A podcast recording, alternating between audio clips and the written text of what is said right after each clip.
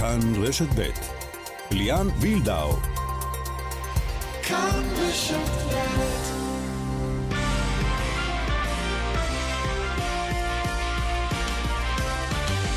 שלום לכם, כאן ספורט, כמובן גם ענייני השעה בוערים, תרתי משמע, הלחימה באוקראינה והסנקציות על רוסיה, שמשפיעות למעשה על כל הטורנירים והתחרויות בכל רחבי העולם ובכמה וכמה ענפים, נעסוק בכך בשעה הזו, גם בנטישה או המכירה של רומן אברמוביץ', שצ'לסי לפחות הוא מציע למכירה, מעניין יהיה מי, יהיה מי שיקנה. כמובן גם בעניינים הספורטיביים אה, כאן אצלנו נעסוק. הפועל באר שבע מחליפה את רוני לוי באליניב ברדה ועולה לחצי הגמר uh, כדיבידנד uh, ראשון. גם הפועל חיפה נמצאת שם חצי גמר הגביע. אלישע לוי ישוחח איתנו כאן במשדר. נהיה גם עם קפטן נבחרת הדייוויס של ישראל בטניס, יוני ארליך, לקראת פתיחת משחקי הדייוויס. הרבה זמן לא היו משחקים כאן בארץ, מול דרום אפריקה באשדוד החל ממחר. על אלה ועוד, בכאן ספורט שמפיקה אורית שולץ, הטכנאי שמעון דוקרקר, אילן אזולאי בירושלים. ליאן וילדאו איתכם עד חמש.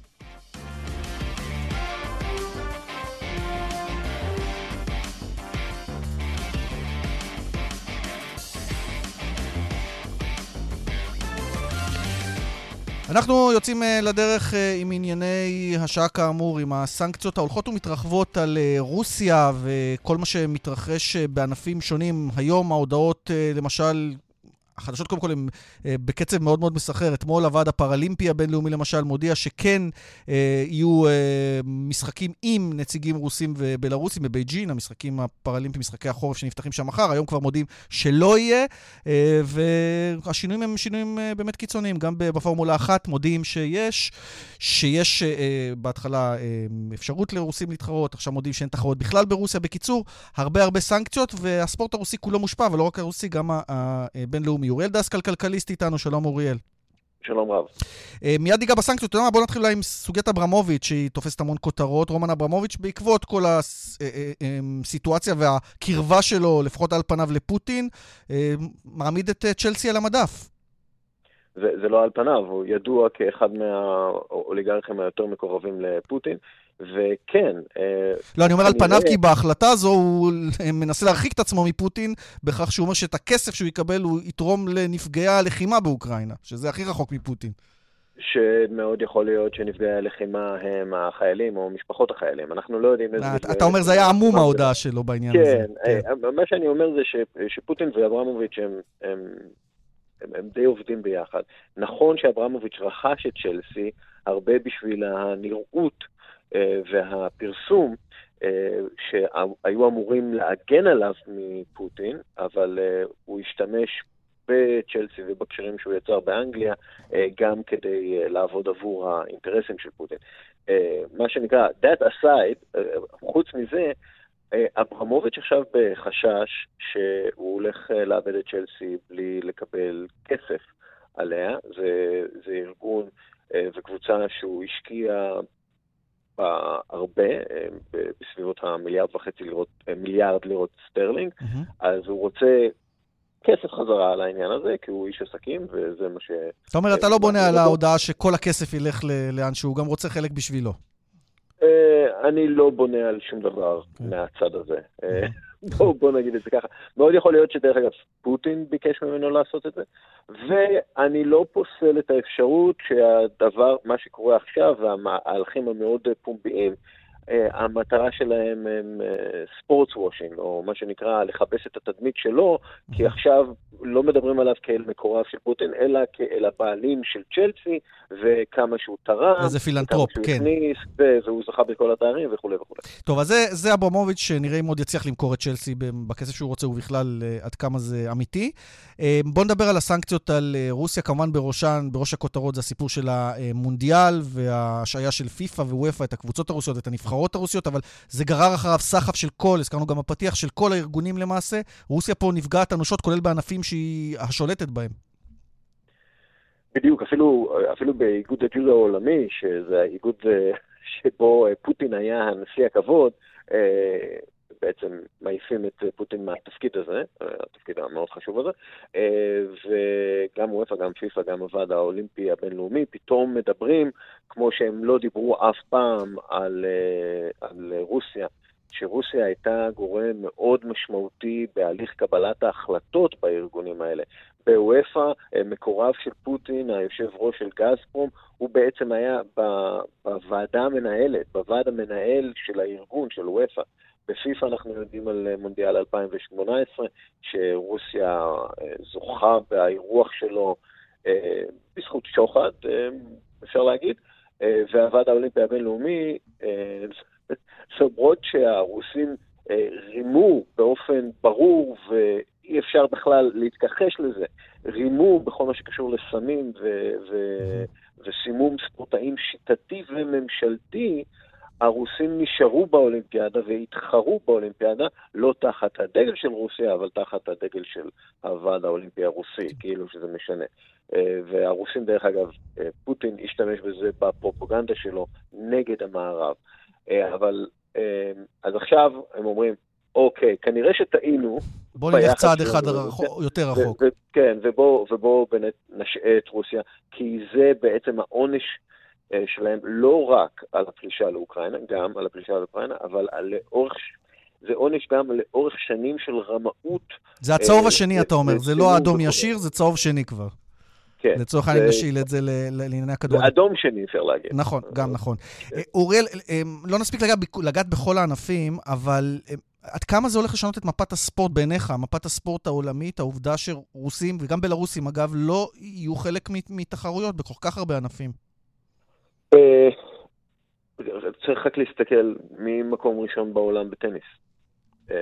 מדוודב, והם גם זכו כן. גם בנשים וגם בגברים בפדרציה ובדייוויס, כן. בדיוק, אנחנו, תראה את המדליות, מספר המדליות הרוסיות באולימפיאדות. אה, ומן הסתם אה, קבוצות ענק בכדורסל, כמו צסקה מוסקבה, וקבוצות לא, לא קטנות בכלל בכדורגל, אם זה זנית, אם זה צסקה. אה, אז, אז נראה לי שהולך להיות שינוי משמעותי מאוד. השאלה הגדולה היא, היא האם הם יתחילו לחזור ולטפטף חזרה לתוך הטורנירים הבינלאומיים ברגע שיגמר העימות המזוין. אה, אה, זאת שאלה. אה, זאת שאלה שאני לא יודע אם יש עליה תשובה עדיין, אבל בגדול זה גם כן יכול לקרות. אבל אם באמת הם מושעים להרבה זמן, זה, זה משמעותי מאוד לכל הכדורגל, ואנחנו, וגם פה בישראל אנחנו נקבל, נקבל אה, ריקושטים. כן. כן, כי למשל, אם בשנה שעברה צסקה מוסקבה הייתה יכולה לרכוש שחקן ישראלי ב-2 מיליון יורו, והייתה הצעה כזאת, אה, אז שחקן ישראלי מוביל, אז היום כבר זה לא יקרה, וזה גם לא יקרה בעתיד. אה, אז יהיו השפעות על זה, על כולם, וגם פה בישראל. כן, ראינו כבר גם שחקן, אה, את מנור סולומון ואת הסיפור אה, שלו בקבוצה שלו. נכון. עם, עם השינויים, זה בטח יוביל גם שינוי עתיד הקריירה שלו, אבל זה רק איזושהי נקודה ישראלית קטנה. אוריאל דסקל, כלכליסט, הרבה תודה. תודה לך, ביי ביי. ואם אנחנו מזכירים את הרוסים, הם בוודאי רוצים להיאבק בהחלטה הזו, כולל אה, בבית הדין אה, העליון לערעורים, ב-CAS, זה המקום שבו מערערים, ואנחנו רוצים לשמוע אם יש סיכוי בכלל שישתנו ההחלטות האלה, ואיתנו אפרים ברק, שהוא עורך דין כמובן, והוא חבר בבית הדין הבינלאומי העליון לענייני ספורט. שלום אפרים. שלום ליאן. חבר בית הדין הבינלאומי העליון לענייני ספורט, אה, ואיתך אנחנו רוצים לדבר על ההשלכות אה, של כל הסנקציות על רוסיה, ואולי אפילו על הצעד הבא. הרי הרוסים לא ישבו, אני מניח, בשקט ויראו את הספורט שלהם מתמוטט ברמה הבינלאומית. סביר מאוד להניח שהם יפנו ל-CAS לבית הדין העליון בשוויץ כדי להתמודד עם ההחלטה הזו, נכון? מאוד מאוד אתפלא אם הם לא יעשו את זה. אגב, בהזדמנות הראשונה שהייתה להם מיד אחרי ההחלטה, הם אה, אמרו שהם כנראה יעשו את זה, וכמו שאני אומר, אני מאוד אתפלא אם הם לא יעשו את זה. כן, סביר להניח שכן. עכשיו, יש להם בכלל קייס, או שהכעס בדרך כלל נוטה לא להתערב אה, בעניינים כאלה, כי זה קשור לפוליטיקה ולדברים קצת יותר גדולים מספורט? או, טוב, עכשיו הכנסת בתוך השאלה המון המון אלמנטים שונים. קודם כל, הכעס ידון, יתערב או לא יתערב זה כבר עניין של מה תהיה ההחלטה. הוא לא ישלח אותם ויגיד אין case, הוא ידון. לא, לא, לא, לא, לא, לא, לא, לא, ה-CAS ידון, ה-CAS ידון, כי, כי, כי זו הסמכות שלו וזה המקום אה, לדון ב, ב, בטענות מכל סוג שהוא. ויש תקדימים של החלטות כאלה שהתהפכו? כלומר, השעיות שכאלה בגלל נגיד מלחמה והפכו להחלטה שכן משתפים? תראה, אה, החלטות כאלה אין תקדימים, כי אין תקדים, אם אתה שואל אותי, להחלטות כל כך קיצוניות כמו שהתקבלו לאחרונה. אז, אז, אז, אז מן הסתם, מאחר ולא היו החלטות כאלה, אז החלטות כאלה לא הגיעו למיטב ידיעתי אה, אה, לכף. היו, הכעס כדבר שבשגרה דן בהחלטות אה, של ארגוני הספורט. הרבה, בהרבה מקרים אה, הוא דוחה את הערעורים עליהם, בהרבה מקרים הוא מקבל את הערעורים עליהם. גם בנושאים אה, משמעתיים, גם בנושאי אתיקה וגם ב- ב- ב- בכל נושא... אגב, הם צריכים לערער על כל ענף וענף, או שמשהו הצהרתי? כי בסוף יש ענפים, סתם, אני אומר, פורמולה אחת, שיש שם גורמים פרטיים, ויש את, את היורוליג, שזה משהו, מפעל פרטי בכלל. כמה יש להם סמכות לקבוע שבאופן גורף משהו כזה או אחר? לא, אז בוא אני אגיד לך, זה, יש פה שאלה מאוד מעניינת מי באמת יגישו פה את העתירות האלה. כי רוסיה כמדינה, אה, למיטב הבנתי כרגע, שוב, אני יכול, אתה יודע, זה צריך להיות, והיו טענות, היא לא צד להליך. הדדים הישירים להליכים האלה הן ההתאחדויות שהושעו, ובעולם הכדורגל אולי גם הקבוצות שהושעו. עכשיו, אה, כל התאחדות, נקרא לזה אה, רוסית, צריכה להגיש ערעור... ובלרוסית, אגב. או, או בלרוסית, מאחר וכל אחת מערערת על ההחלטה הספציפית בעניינה, ויכול להיות שיש הבדלים בין ההחלטות. אז יכול להיות שיחליטו שסתם, אני אומר, בהתעמלות אומנותית הם חוזרים, אה, ובענף אחר לא, או שאין דבר כזה, הרי בסוף זה צריך להסתמך על, על החלטה על החלטה. מאחר והערעורים אמורים להיות ערעורים אה, עצמאיים ונפרדים על כל אחת מההחלטות, אז בהחלט ייתכן מצב שהחלטה, מסוים, שהחלטה מסוימת תבוטל על ידי אה, הכעס, והחלטה אחרת לא תבוטל, כי ימצאו שיש בסיס משפטי להחלטה. זאת אומרת, הכל תלוי בהגדרה או בבסיס ש, שביסוד ההחלטה, ויכול להיות שהבסיסים הם שונים מהתאחדות להתאחדות. זה לא איזשהו עניין כללי, כי כל ארגון בינלאומי מן הסתם... זה תלוי כמה עורכי דין טובים יש לך, מה שאתה אומר בעצם, לכל התאחדות והתאחדות, לכל ענף וענף. עורכי דין טובים זה תמיד חשוב, אבל צריך להבין שכל התאחדות מן הסתם הייתה יכולה לקבל החלטה או קיבלה החלטה על בסיס נימוקים משפטיים שונים, ולכן יצטרכו לבחון כל אחד. עדיין יכול להיות מצב שמטעמים פרקטיים, אה, אה, אם יוגשו הרבה ערעורים, אז הם כולם איכשהו... גם אם הם לא יאוחדו... איחוד תיקים, מה שנקרא ב... כן, וגם הם לפחות יישמעו ביחד, כדי להיות כן. יעילים יותר. כן. האמת שגם החלטה אחת תיראה הרבה יותר הגיונית מאשר אם יקרה דבר והיפוכו בשתי התאחדויות שונות. אבל אני רוצה לשאול אותך עוד משהו ש... לא, אני דווקא לא חושב את זה. אני דווקא חושב שיכול בהחלט להיות מצב... יכולים להיות בהחלט מצבים שהחלטות מסוימות יאושרו והחלטות מסוימות יבוטלו. אבל בואו נראה, כי זה תלוי שוב אני אומר, בבסיס המשפטי של כל כן. החלטה. טוב, אפרופו בסיס משפטי ותקדימים דיברנו, אה, אולי אנחנו לא רואים את זה כרגע, אבל יכולות להיות לכל הסיטואציה הזאת השלכות גם על ישראל, ואתה, אה, בהיותך מי שמעורב, גם אה, היית היועץ המשפטי של ההתאחדות לכדורגל, אפילו בלמת באמצעים המשפטיים שברש, שברשותך כל מיני ניסיונות להחלטות נגד ישראל במקרים הקודמים, שהיו כל מיני מבצעים בעזה ואחרים. האם הדבר הזה שקורה עכשיו עם רוסיה עלול אה, להשליך על מדינת ישראל בסיטואציה כזו או אחרת, אה, בסכסוך אה, צבאי כזה או אחר? עלול בהחלט. אין ספק שמה שמתרחש כיום הוא תהליך, נקרא לו חדש, חריג, שונה מהקו הקבוע של ארגוני הספורט עד עכשיו, של הפרדה מלאה בין מחלוקות כאלה לבין, אה, לבין אה, נושאי הספורט. אגב, ארגוני הספורט לאורך שנים אה, חטפו קיתונות של ביקורת על כך שהם מסתכלים הצידה ו- ו- ו- ולא נוקטים בצעדים שהם יכולים לכאורה וכולי וכולי. ועדיין צריך להבין שמבחינת ארגוני הספורט, ההחלטות שלהם שאמור, שמתקבלות בימים האלה הן החלטות שאמורות להיות מבוססות על אדנים, על בסיסים משפטיים מוצקים. לא, אז שוב אני, שוב, שוב אני מנסה כאילו לחדד. אם הפלסטינים באים, טוענים לאיזושהי אכיפה בררנית, הנה אז כשרוסיה תקפה את אוקראינה, אה, השעתם אותה, והנה ישראל עושה מבצע לצורך העניין בעזה, ולא, אתם לא עושים. אז, אז, אז, אז עכשיו אני בדיוק הגעתי. למרות שכל החלטה אה, וכל בקשה תידון לגופה והנסיבות הן חשובות. תמיד צריך יהיה לבדוק ולהניח שיש בסיס משפטי להחלטה. כלומר, אם אתה מסתכל על ההחלטות של פיפ"א ושל וופ"א למשל, שלגביהן פורסמו אה, אה, נימוקים פחות או יותר ברורים,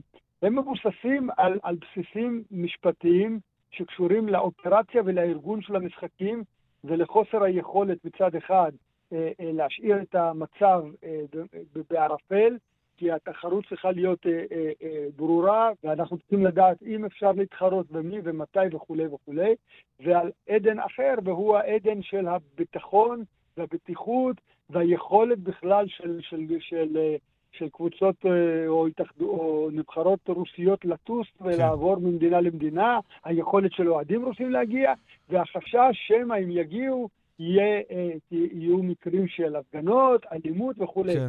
זה המסגרת שעל בסיסה התקבלו החלטות. אני מניח שפחות או יותר על אותה מסגרת מתקבלות ההחלטות גם של כל שאר ארגוני הספורט.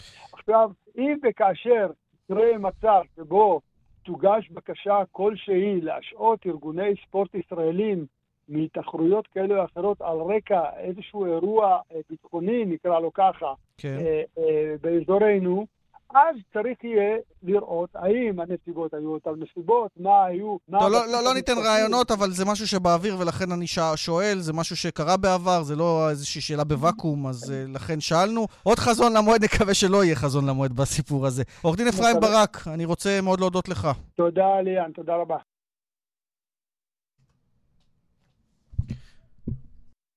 באלון צפון העמוס ממחלף חולון עד רוקח ודרומה ממחלף רוקח עד לגוארדיה, בדרך החוף צפון העמוס מגעש עד נתניה, בהמשך ממחלף חבצלת עד מכמורת. דיווחים נוספים חגגו כוכבי 9550 ובאתר שלנו פרסומות מיד שווים עם הכדורגל הישראלי, יהיה איתנו גם אלישע לוי כאן. כאן ספורט ענייני הכדורגל הישראלי אה, כעת, הפועל באר שבע מבצעת זעזוע השבוע, רוני לוי מפוטר על ידי אלונה ברקת, אה, ממש רגע לפני משחק אה, גביע. אתמול טרנר, 6,000 אוהדים מגיעים, מעודדים את אליניב ברדה ואת השחקנים ומצליחים לעשות מהפך מול מכבי פתח תקווה, פתח תקווה מפיגור 0-1 לניצחון 2-0 בהערכה ועלייה לחצי הגמר. הנה מה שברדה אמר. אמנם הוא לא היה מלא, אבל ההרגשה שלי הייתה כאילו טרנר היה מלא, ושוב חזרתי להרגיש שטרנר חי ונושם, עם לב, עם נשמה, ואני חושב שהכי חשוב שהשחקנים הרגישו את זה. ואחד הדברים שדיברנו בחדר הלבשה, מעבר לטקטיקה ולשיטות, זו הייתה נשמה. אה, נשמה ולב גדול. יניב טוחמן, וואלה ספורט, אהלן. אהלן ליאן. אה, אתה מסקר את הפועל באר שבע, תכף נדבר גם על מכבי תל אביב, הם גם במאבק על מקום שני, אבל מכבי גם רוצה לעלות לחצי הגמר, להשלים את המשימה הערב. אבל ראשית באר שבע, המהפך הזה עשה שינוי באנרגיות בטרנר אתמול, אה, וגם נותן ביטחון לברדה, כי יש לו עוד אה, דברים להשיג בעונה הזו, על אף שהוא רק ממלא מקום. כן, אה, אין ספק, יש כמה אלמנטים שצריך לדבר עליהם. אה, החלטה, אני לא אומר חסרת תקדים, אבל החלטה אה, לא לגמרי פופולרית הרי של אלונה ברקת יום לפני משחק. אתה יודע, אני כמי שמסקר את הקבוצה, נערכתי למצב שהפועל באר שבע תודח אתמול, היא הגיעה למשחק הזה נגד מכבי פתח תקווה, צריך לומר, אתה יודע, לטובת מי שפחות עוקב, למשחק גומלין אחרי ההפסד אה, חודש אה, לפני למכבי פתח תקווה ברבע גמר, והפועל באר שבע הגיע אחרי תוצאות לא טובות בליגה. אז לא רק אתה חשבת, גם אלונה חשבה ולכן היא ביצעה את המהפך, היא ראתה גם את קצב מכירת הכרטיסים שהיה חלש כן. מאוד, ביצעה רגע לפני מה שלא עושים בדרך כלל יממה לפני משחק, וזה השתלם לה, אולי אפילו במובן הכלכלי. נכון, תראה, ברור שאנחנו אף פעם לא נדע אה, מה היה קורה אם אה, רוני לוי היה עומד אתמול על הקווים ואם אלונה ברקת אה, לא הייתה עושה את המהלך. תראה, התוצאות לא היו מספיק טובות, אבל אי אפשר להגיד שרוני לוי השאיר אחריו אדמה חרוכה, כי בסופו של דבר, כשליניב ברדה עשה אימון אחד ביחד עם מאור מליקסון, ערב המשחק, זו קבוצה שבסופו של דבר כן קבוצה מאומנת. נכון שהיו לנו טענות על, על איכות ההתקפה. עזוב לנו, אה, לאוהדים היה, זה, זה היה חלק משמעותי, טוחמן. כן, האוהדים כן. השפיעו על אלונה, אלונה נתנה גב תקופה ארוכה לרוני לוי, בסוף החליטה לשנות. אני רוצה לשאול אותך על יניב ברדה, הוא הרי חביב האוהדים, הוא יקבל קרדיט גדול עד סוף העונה, אבל האם אלונה כבר במסע שכנועים, ואתה גם מסקר את מועדון ספורט אשדוד, היא כבר במסע שכנועים מול ג'קי בן זקן לשחרר את רן בן שמעון, או שזה לא על הפרק בכלל כרגע? ולא, היא לא במסע שכנועים, היא אפילו לא דיברה עם ג'קי בן זקן עדיין על רן בן שמעון. אה, אשדוד, צריך להזכיר, אה, בעצמה לא סיימה, רחוקה מאוד מלסיים את העונה. אם הזכרנו את מכבי פתח תקווה, אז היא תשחק נגד מכבי פתח תקווה ביום ראשון, והיא צריכה, חייבת לנצח, כי גם היא אחרי סדרת תוצאות לא טובה, וכדי לא להסתבך במאבקי תחתית, היא חייבת לברוח מהתחתית. אז לכן אלונה ברקת לא תעשה כרגע מהלך, אלא אם אה, ג'קי בן זקן יבוא בעצמו, יש מספיק, אתה יודע, טלפונים או מספרי טלפון שהוא מכיר אה, של אלונה ברקת, ויגיד לה, האם את רוצה את רן כבר עכשיו? אני לא רואה את זה קורה. יש לרן אה, חוזה באשדוד לעוד שנתיים, או אפילו שלוש, אה, אה, יש לומר, אם מחשבים גם את האופציה שיש לבן זקן. מבחינת אלונה ברקת, לא נראה לי שהיא תעשה פנייה לג'קי בן זקן כרגע כדי לבקש את uh, רן כן, בן שמעון. גם אמרו שברדה ישלים את העונה, השאלה אם בקיץ זה הטלפון כן. הראשון שהיא עושה כבר, או שהיא חושבת אם יהיו תוצאות טובות, אפילו להמשיך עם אליניב. אני גם לא יודע מה המצב הקרדיולוגי שלו, אם הוא יכול לעשות את זה לאורך זמן. אליניב, תראה, דברים, אה, ראינו הכל בכדורגל, ודברים משתנים. אבל גם הניצחון אתמול, וזה באמת היה יותר מסתם ניצחון ברבע גמר בעיניי, זה היה ערב, אה, אתה יודע, שהיה בו הכל, עם, עם הערכה והפסקות ודרמה ומתח, ואם אליניב שרד את הערב הזה, אז הוא כנראה מחושל אה, להמשיך הלאה, כי זה באמת היה ערב של הרבה עצבים ולחץ, ואני לא חושב שמשהו ישתנה אצל אליניב ברדה, אני חושב שהוא ירצה להמשיך אה, בתפקיד שלו, כמנהל אה, מקצועי, כמישהו שאמון על אה, הרבה מאוד דברים במועדון, למעט האימון. הוא גם רצה, אגב, והציע לאלונה כמה אפשרויות, כולל זרים, מיד כשהיא הודיעה לו שהיא מפטרת את רוני לוי, כן. אבל אתה יודע, דברים כבר ראינו הכל בכדורגל, קשה לי להאמין שאליניב יאמן את הקבוצה בעונה הבאה. אם הוא יגמור את העונה הזאת כמאמן, זה גם יהיה בעיניי דבר גדול, כי ראינו כבר לא מעט, אה, כמו במקרה של ברק יצחקי ואחרים, כן. מנהלים מקצועיים שבאים למקסימום כמה משחקים עד שמתארגנים על מאמן אחר. נכון שפה יש אה, סיטואציה אחרת, אנחנו בסך הכל חודשיים וטיפה לסיום העונה. זהו, יש גם מאבק גם בליגה על מקום שני. אני רוצה להספיק איתך דקה וחצי על אה, מכבי תל אביב. אמנם היום יש משחק גביע. אגב, לא רק, לא רק למקום שני, מבחינת אלונה ברקת, כמו גביה. שהיא אמרה לשחקנים... גביע, מטרה. לא, מקום ראשון. היא מבחינתה אמרה לשחקנים, אני לא מוותרת על כלום. טוב, זה, זה, זה נראה רחוק, בטח ביכולת של מכבי חיפה לעומת האחרות, אבל מי שהיא צריכה אולי לדאוג ממנה היא מכבי תל אביב. מכבי תל אביב היום בגביע, יש לה יתרון 2-0 על יפו מליגה א', עושה רושם, היא תהיה הרביעית אה, בחצי הגמר. אה, השלוש האחרות כבר הבטיחו את עלייתן ביומיים הקודמים.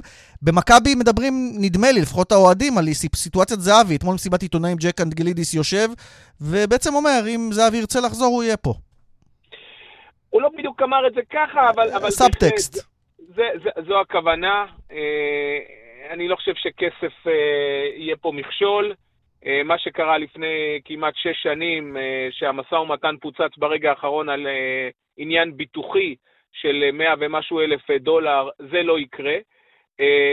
אם להסתמך על הדברים שנאמרו אתמול, ואם להסתמך על מה שערן זהבי אמר לנו לפני שבוע במסיבת העיתונאים פה של פס ואיינדובן, כנראה שהדברים עוד לא סגורים. הם לא סגורים כיוון שערן זהבי עדיין לא החליט סופית שהוא חוזר לישראל. ברגע שהוא יחזור לישראל, כמו שאמרתי, זה יהיה חוזה שינוע סביב הערכה של מיליון אה, יורו, אולי אפילו לשנתיים, עם אה, השתלבות מקצועית בהמשך, במידה שערן ירצה, ואני מניח שערן עדיין אה, שווה גם בגיל 35, הוא יהיה ב-25 ביולי, אם אני לא טועה, הוא עדיין שווה 20-25 שערים פה בליגה שלנו, רק אתמול להזכיר שהוא כבש אה, שער בהולנד. כן, ואלה לגמר. אה, כן, מבחינת מכבי תל אביב... משפט לסיום תוכמן, כי נגמר לנו הזמן. כן, כמו שאמרת, הערב אמור להיות אה, משחק שמכבי תעבור. היא קצת חוששת מאפשרות של איזשהו שער כזה, אתה יודע, שפתאום תבקיע יפו, ואז אולי זה ילחיץ אותה טיפה, כי הרי מכבי לא תעלה בהרכב החזק של הערב, יהיו המון המון שינויים, כולל שחקני נוער שיתלבשו הערב, אבל ללא ספק, מומנטום חיובי במכבי, וצריך להזכיר, חצאי הגמר הם בבלומפילד, ביום ראשון אנחנו נדע את ההגרלה, וזה אומר שעל פניו למכבי יכול להיות גם יתרון בבלומפילד, וזה אומר אולי back to back לעשות עוד גביע כמו שהיא עשתה שנה שעברה. יניב טוחמן, וואלה ספורט, תודה. תודה, ליאן. ומי שתהיה גם כן בהגרלה הזו היא הפועל חיפה שניצחה אתמול 1-0 את בני יהודה, ולמעשה משלימה ניצחון אה, כפול, והיא בחצי הגמר. שלום אלישע לוי, מאמן הקבוצה. אהלן, מה שלומכם? אנחנו בסדר, גם אתם. ראשית ברכות על העלייה לחצי גמר הגביע. אה, זה משהו אני מניח שסימנתם כמטרה, בטח אחרי שראיתם את ההגרלה מול קבוצה מהליגה הלאומית, שאומנם בני יהודה זה קבוצה עם מסורת בגביע, אבל לא הולך לה יותר מדי בעונה הזו. כן, גביע תמיד אה, זה קשה. אני שמח שהצלחנו אה, להגיע לשלב הזה, אה, שזה היעד הראשוני, וחצי גמר להיות עם הקבוצות הטובות ביותר, אה, מעמד מאוד מאוד מכבד, ואנחנו בוודאי נעשה הכל לעבור עוד שלב. אבל יש לנו זמן עד אפריל, אבל אנחנו בהחלט אה, שמחים אה, שהגענו לשם. זה יהיה איזשהו פיצוי, אלישע, על זה שלא תהיו בפלייאוף העליון. אני אגיד לך למה, למה, למה אני מרגיש, אני, לא כאוהד הפועל חיפה, אני מניח שהאוהדים עוד יותר, מרגיש איזשהו פספוס. כי ראיתי את המשחק האחרון שלכם, אה, לא זה בגביע, אלא בליגה מול מכבי חיפה, והייתם פשוט פנטסטיים. נדמה לי שכשאתם בסגל מלא ובריא, שיחקתם אחלה כדורגל. זה, זה בדיוק, זה, זו בדיוק הנקודה. אז קודם כל... יש עוד משחק אחד, ואתה יודע... כן, אבל הסיכוי הוא תיאורטי בלבד. נכון, כן. נכון, נכון. לכן אני אומר, אז אנחנו נעשה הכל אה, להצליח בבאר שבע. אבל בכל מקרה, זו אכזבה מאוד גדולה מבחינת אה, הפועל חיפה, מבחינתנו, מפני שאמרת את הנקודה הנכונה, כשאנחנו נמצאים בסגל הנכון ובלי פציעות וכולי, אז אנחנו, כמו בחודש האחרון, משחקים כדורגל נהדר. הייתם שווים אפילו ניצחון בדרבי, אפשר להגיד את זה במפורש.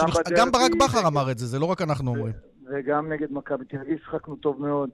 וחבל, אבל אתה יודע, בכדורגל... אה, אז מה התפספס בעונה הזו למעשה שגורם לכם אה, להיות כנראה בפלייאוף תחתון בלי פחד ירידה וכאלה, אבל לשחק על פחות דברים? כן, אז אני אומר, זה לא שלב שאנחנו מסתכמים, אבל אה, מאוד מאוד מאוד מאוד חשוב לנו קודם כל להצליח עכשיו בגביע, זה שני משחקים מטייטל, זה לא דבר פשוט, זה מעמד מאוד מכבד. ואנחנו נעשה הכל כדי להיות שם, ולאט לאט, אתה יודע, יש זמן לסכם דברים. יש לך חוזה לעוד עונה, אלישע, אצל, אצל יואב כץ או שטרם? לא, אבל זה לא, זה לא הדבר שמטריד אותנו עכשיו, בטח. עכשיו אנחנו... לא, אותנו זה מאוד... מטריד, כי מצד אחד על כדורגל טוב, אני חושב שגם הקהל חזר השנה, היו לכם הרבה רגעים טובים, היה לכם גם רגעים פחות טובים, והשאלה אם יואב כץ רוצה המשכיות או שהוא הולך לשנות. אז אני אומר, כשיגיע הזמן אנחנו נדון בזה, זה הכוונה שלי. זה לא דבר שאנחנו מתעסקים בזה עכשיו. חשוב הוא באמת שחזרנו לשחק כדורגל, ש... ש...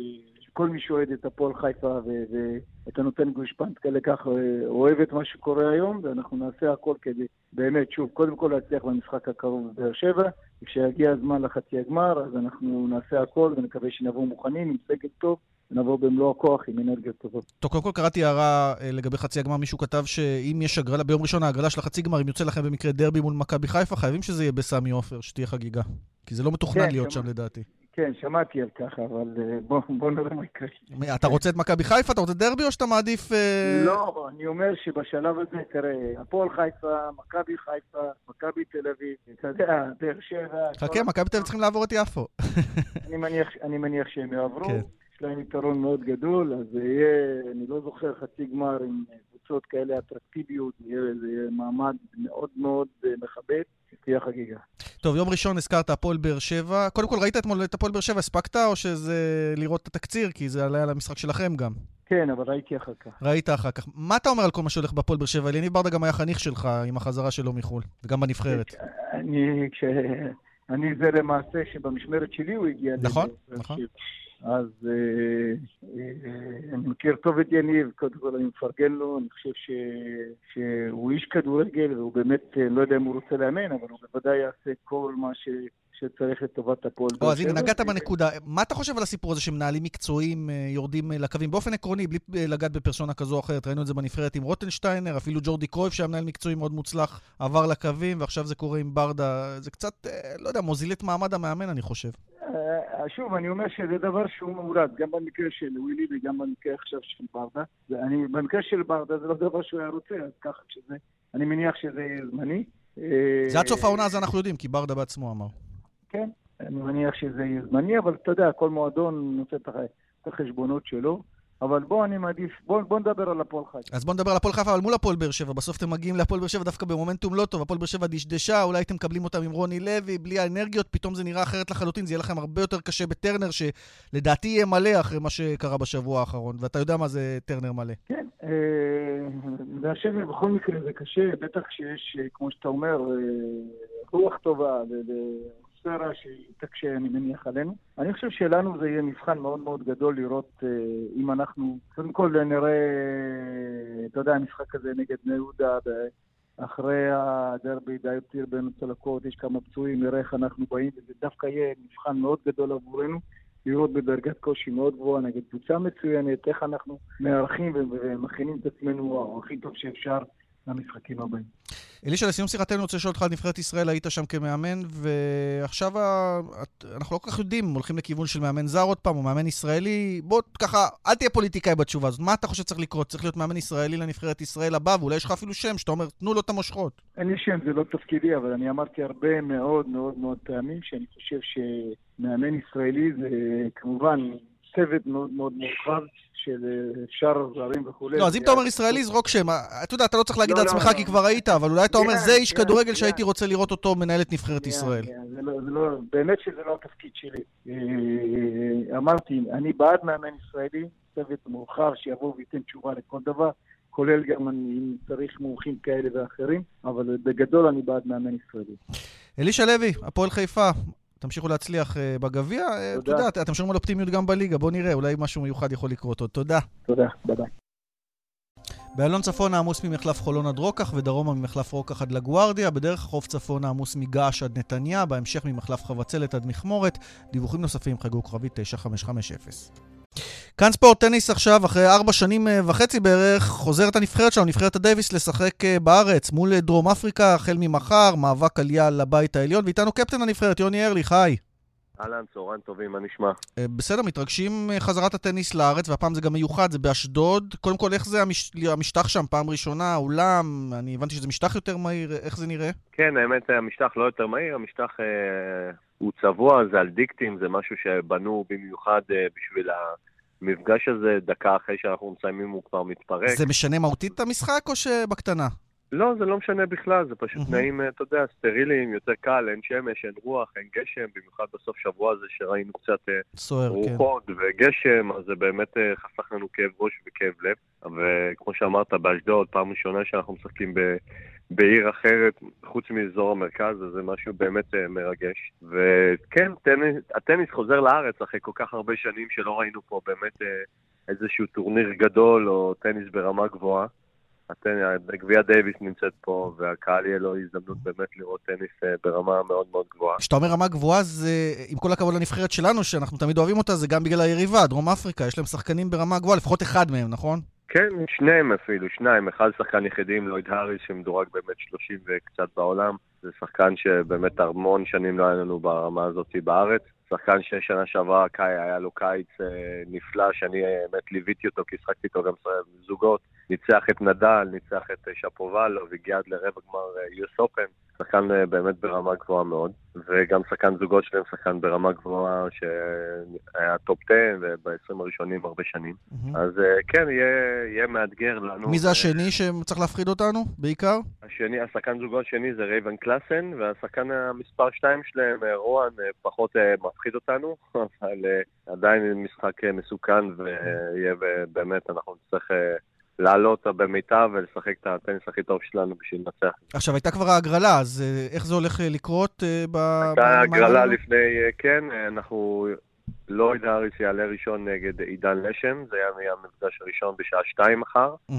ואחריו יעלה ישי אוליאל נגד רואן, לא יודע אפילו איך לקרוא לשם משפחה שלו. אוקיי, שינצח אותו, זה מה שחשוב. רולף, אה, רולופסה צועקים לי פה, אז אה, כן, לא רוצה להעליב אותו, אה, חבר, אבל תמיד... היותר חשוב ישי אוליאל, ואנחנו מחכים גם לפריצה, תמיד, זה היה שם נורא גדול ישי כשהוא היה צעיר, יותר, עדיין הוא צעיר האמת, אבל אנחנו מחכים, אולי במסגרת גביע דייוויס זה יכול לקרות, החיבור הזה, כמו שקרה בזמנו גם לדודי, שאומנם גם בקריירת יחידים היה מדהים, אבל בדייוויס משהו התחבר עוד יותר.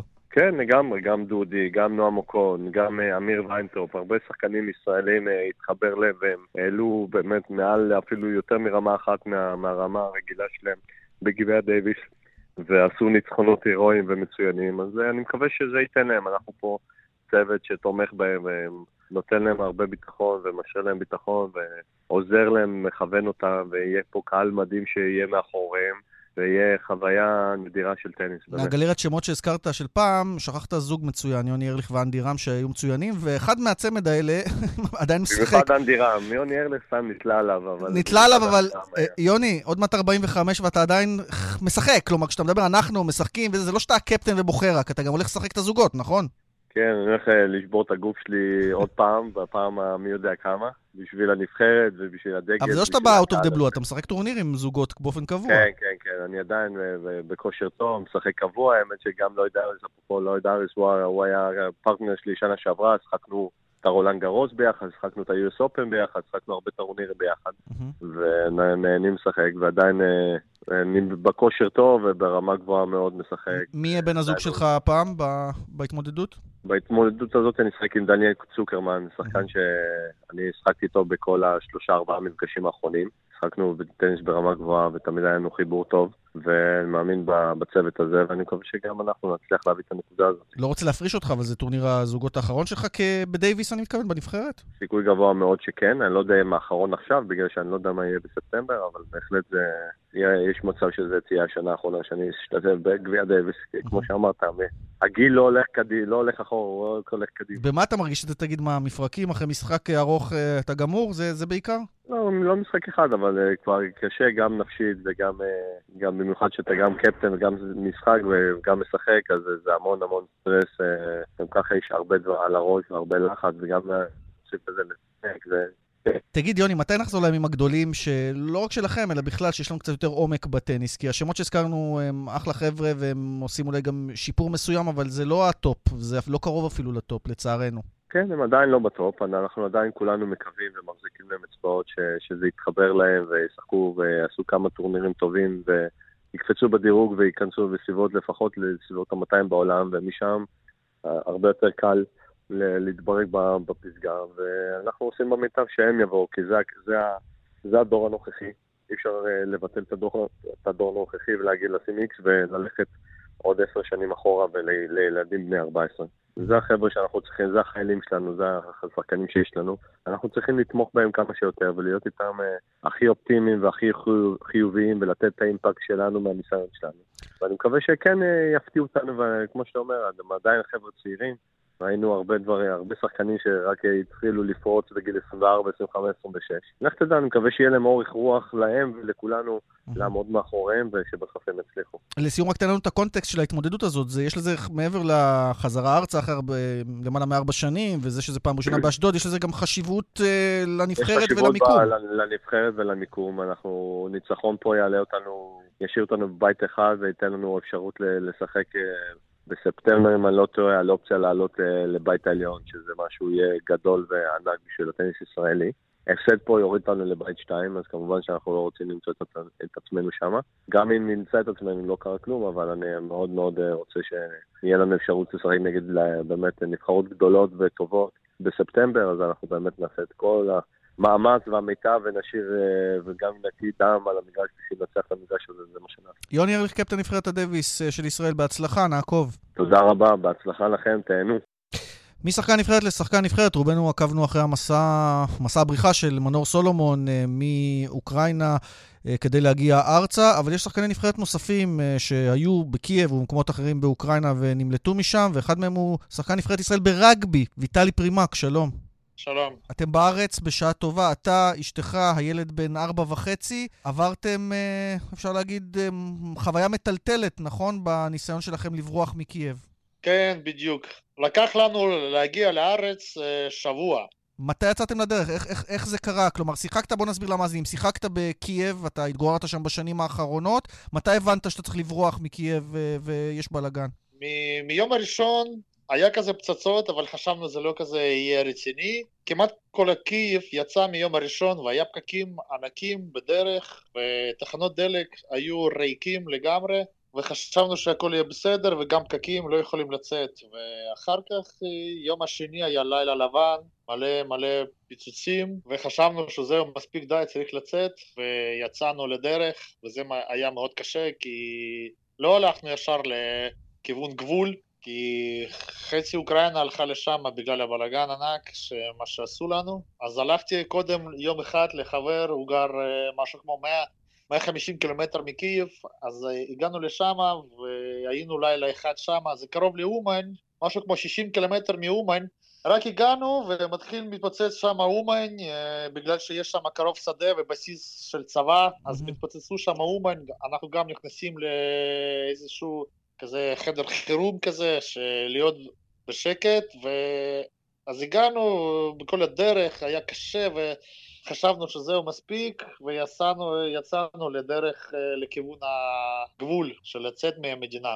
ועכשיו, היה לך עוד אתגר, כי אנחנו יודעים, אתה בן 36, ואנחנו יודעים שיש חוק, אתה אזרח אוקראיני, ויש חוק בדיוק. שאסור כן. לצאת מגיל 18 עד 60, כלומר, היית צריך פה אה, אה, איזושהי עזרה כדי, או לנצל דווקא את הדרכון הישראלי כדי לצאת. כן, לצאת את הדרכון הישראלי, כי אני לא יכול לצאת עם הדרכון אוקראיני בגלל בדיוק החוק הזה, כי המדינה נכנסת למצב מלחמה, אז אי אפשר לצאת, בנים לא יכולים לצאת, רק בנות עם ילדים או בנות. פחדת כן, שאשתך, פחדת שאשתך והילד יוכלו לצאת ואתה תישאר תקוע שם במעבר הגבול באיזשהו שלב?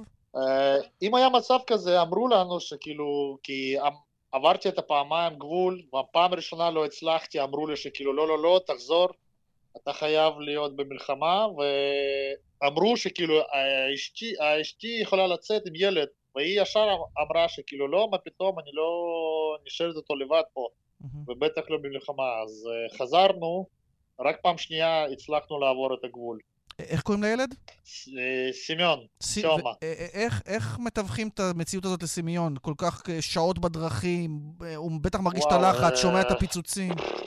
לא, אנחנו מנסים להסביר לו כל הזמן, וכל הזמן להיות קרוב ולהסביר ולעשות כמו איזשהו משחק, או להגיד, לא, זה מתפוצץ משהו אחר, זה לא פציעה בכלל, זה לא פיצוץ, סליחה, זה לא, כאילו, זה סתם רעש כזה, או גלגל של האוטו מתפוצץ או משהו, אבל זה עדיין, אה, הוא רואה והוא מרגיש את הלחץ של כולם, כולם לחוצים ורצים שמאל, ימין, אה, תופסים את האוטו, וקיצור קשה, אבל ניסינו להסביר כמה שיותר לתת לו את האהבה שהכל בסדר, אנחנו איתך, אנחנו לא עוזבים אותך, אנחנו עד הסוף איתך, הכל טוב. בסוף הצלחתם לצאת את הגבול, ואחר כך גם רכבת לעוד מדינה, נכון? ורק אז ארצה. בדיוק, בדיוק. אחר כך אני יצאתי לסלובקיה, קודם רציתי לצאת דרך פולין, אבל שם גם היה תור באוטו. אם אתה יוצא באוטו, הגענו באוטו, אז אם אתה יוצא באוטו, זה תור עד שלהגיע לגבול אוקראינה, זה שלושה ימים להיות באוטו בתור.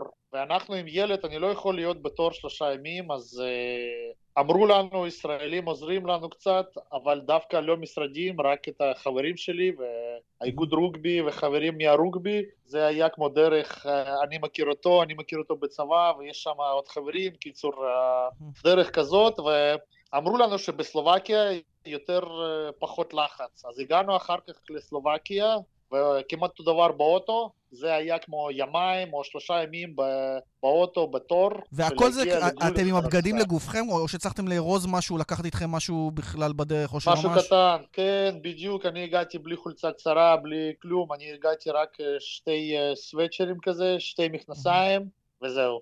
וכל הדברים זה של ילד, שלא היה לו קר, כן. ושל אשתי. אני הגעתי רק פשוט עם ה...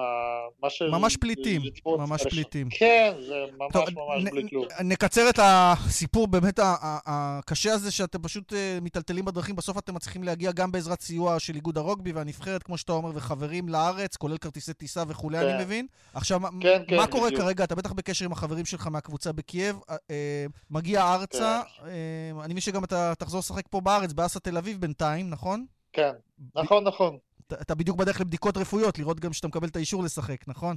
בדיוק. היום בערב אני הולך לבדיקה רפואית, בחמש ורבע יש לי תור, והכל בסדר, אני מקווה, וזהו, ואני מתחיל להיות אה, לאט לאט אה, לחזור לכושר, אבל, לנבחרת. אבל הראש, ויש... אני מניח, בחברים בקייב, מה, מה אתה שומע מהם? וואו, אה, חדשות לא טובות, חבל, אבל מאוד קשה. לדוגמה עכשיו, לצאת מהקייב זה די אפשרי, זה יותר מסוכן, כי אם אתה עכשיו יוצא ויכול להיות בטעות אה, עושים את ההגנה, אוקראינים עושים את הקייב, עושה את ההגנה, ויכולים פגע עליך בטעות כאילו. אז אמהמ. עדיף עכשיו להישאר בעיר גדול, כי עכשיו יש לחץ ענק, מסתובב קייב, זה זה מאוד מסוכן. אתה חושב שעוד תחזור לשם? אתה חושב שעוד תחזור ויטלי, או שאתם עושים עלייה סופית? אני לא יודע. אני לא יודע מה יהיה, אני לא יודע מה יכול להיות, בגלל שאף אחד לא יודע מה בראש של האגרסור הזה, ואם יהיה מדינת אוקראינה בכלל, אני לא יודע, זה קשה מאוד להגיד, כי כל העולם עכשיו מנסה לעזור, אבל עוד פעם, זה קצת פוליטיקה ומאוד קשה, מצב מאוד קשה, זה, אם אתם רוצים לדבר על זה, זה לשבת שעות לדבר כן, על זה. כן, יש הרבה היבטים. טוב, נסתפק בספור, בהיבט הספורטיבי בדיוק. ונאחל לכם בריאות למשפחה. אה, ככה תודה. לחזור גם לרוגבי וקצת לנקות את הראש גם בספורט, אבל uh, נקווה שהכל יהיה בסדר בסופו של דבר. ויטלי פרימק, שחקן נבחרת ישראל, תודה. תודה לכולם, תודה. דיברנו הרבה על הלחימה אה, באוקראינה, רוצים לסיים משהו קצת יותר אופטימי ונחמד וראשוני, אליפות העולם ברכיבת אקסטרים באופנועי שטח, מגיעה אה, פעם ראשונה לישראל, זה מתחיל ממש עוד מעט בארנה אה, בירושלים, זה נקרא סופר אנדורו 2022, רוכבים, עשרות רוכבים מקצוענים אה, מעשר מדינות אה, ברחבי העולם, כולל רוכב ישראלי מוכשר, סוף סלע בן ה-18, שלום סוף. שלום, שלום. טוב, קצת לפני שאתה עולה שם למסלול, אה, יחד עם רוכבי העילית אה, באופנועים, ספר לנו על התחושות. קודם כל תחושה מטורפת, אה, פעם ראשונה שזה קורה בישראל, אליפות עולם, ספורט מוטורי, זה אירוע היסטורי בשביל המדינה, ואני מאוד מתרגש אה, להצליח לייצג אה, את המדינה שלנו בקטגוריית הפרסטיג', שזה בעצם הקטגוריה הכי גבוהה שיש היום. מה זה אומר? מה אתה הולך לעשות עם האופנוע? אנחנו בעצם מתחרים במסלול סגור בפיס ארנה ירושלים, וזה מסלול של מכשולים שבנו לנו, מסלול סגור של תלוי ברוכב, אבל בלי לקחת אותו 38 שניות, זאת אומרת שכל הקהל רואה מה קורה בתוך. בתוך האולם יש לך בולי עט וצמיגים ואבנים, המון מכשולים, אה, ובעצם צריך לנסוע הכי מהר. אה, כן, זה, זה, בגדול, זה בגדול התחרות, זה שש, שש דקות פלוס הקפה עושים סביב המסלול הזה, mm-hmm. מאוד מאוד אינטנסיבי, מאוד מאוד צפוף. ויש שלושה מקטעים כאלה, בסופו של השלושה מקטעים, חישוב הנקודות, יודעים מי ניצח את הכללי וכן הלאה. אז מה הציפיות שלך, בהתחשב בזה שיש מתחרים ממש טובים, נכון? הגיעו העילית. נכון, נכון. בעצם אני בעיקרון מתחרה בג'וניור, שזה עד גיל 23, אני בן 18 היום. אמ, אז הציפיות שלי קודם כל זה לעשות הכי טוב שלי כמובן. אמ, אחר כך זה לנסות להגיע, אתה יודע, כמה שיותר גבוה. יש פה את המתחרים הכי הכי טובים בעולם, אז אני לא מצפה לנצח או כן. לסיים על הפודיום הפעם, עוד לא. מקווה שעוד כמה שנים כן, אבל אה, בהחלט טופ אה, בשישה הראשונים, זה יהיה מדהים, חמישה ראשונים בכלל אה, מדהים בשבילי. אז הזכרת את המקצה שאתה משתתף בו, מה עוד אה, יש באירוע כל כך אה, מרשים הזה, פעם ראשונה בארץ? בגלל זה פשוט אירוע נורא נורא מרשים, מרשים. גם המארגנים שלו, שזה רדיוס פרדיוס, הרימו פה אירוע מדהים, עם, אה, אני יודע שהולך להיות תופעה של הופעות, כל מיני הופעות בערב והמון המון קהל, uh, אני מקווה שכל ה, העולם יהיה מפוצץ, ו... זה בעצם שואו, שואו מטורף. אה, זה כמו משחק, אה, זה כמו דרבי בין שתי קבוצות, שכולם אה, בהיי, ככה זה נראה, קרבות, אופנועים נוגעים, וזה מה שכל כך מיוחד בספורט. עניין הזה. אגרסיבי כזה, אתה אומר, גם בין האופנועים עצמם. מאוד אגרסיבי, כן. אסוף סלע, הרוכב הישראלי, אנחנו נאחל לך לייצג את ישראל בכבוד וליהנות גם על הדרך. ו... תודה רבה. נשמח לראות את האירוע המרשים הזה, את אליפות העולם באופנועי מרוץ. תודה. תודה רבה לך. ונודה גם לקובי בז'יק שצריך להביא לנו ככה, לשלוף לנו את צוף אה, רגע לפני אה, כל התחלת התחרות, זה מתחיל ממש עכשיו בארנה בירושלים. אנחנו חותמים את כאן ספורט אה, לסוף השבוע הזה, מודים גם למפיקה, לאורית שולץ, לטכנאי בבאר שבע, שמעון דוקרקר, לאילן אזולאי. בירושלים. ליאן וילדאו, מודה לכם המאזינים שהייתם איתנו בכאן ספורט. אחרינו כאן הערב עם, עם זאב קם, מיד כל החדשות העדכניות. שיהיה סוף שבוע מהנה ושקט עד כמה שאפשר. ביי ביי.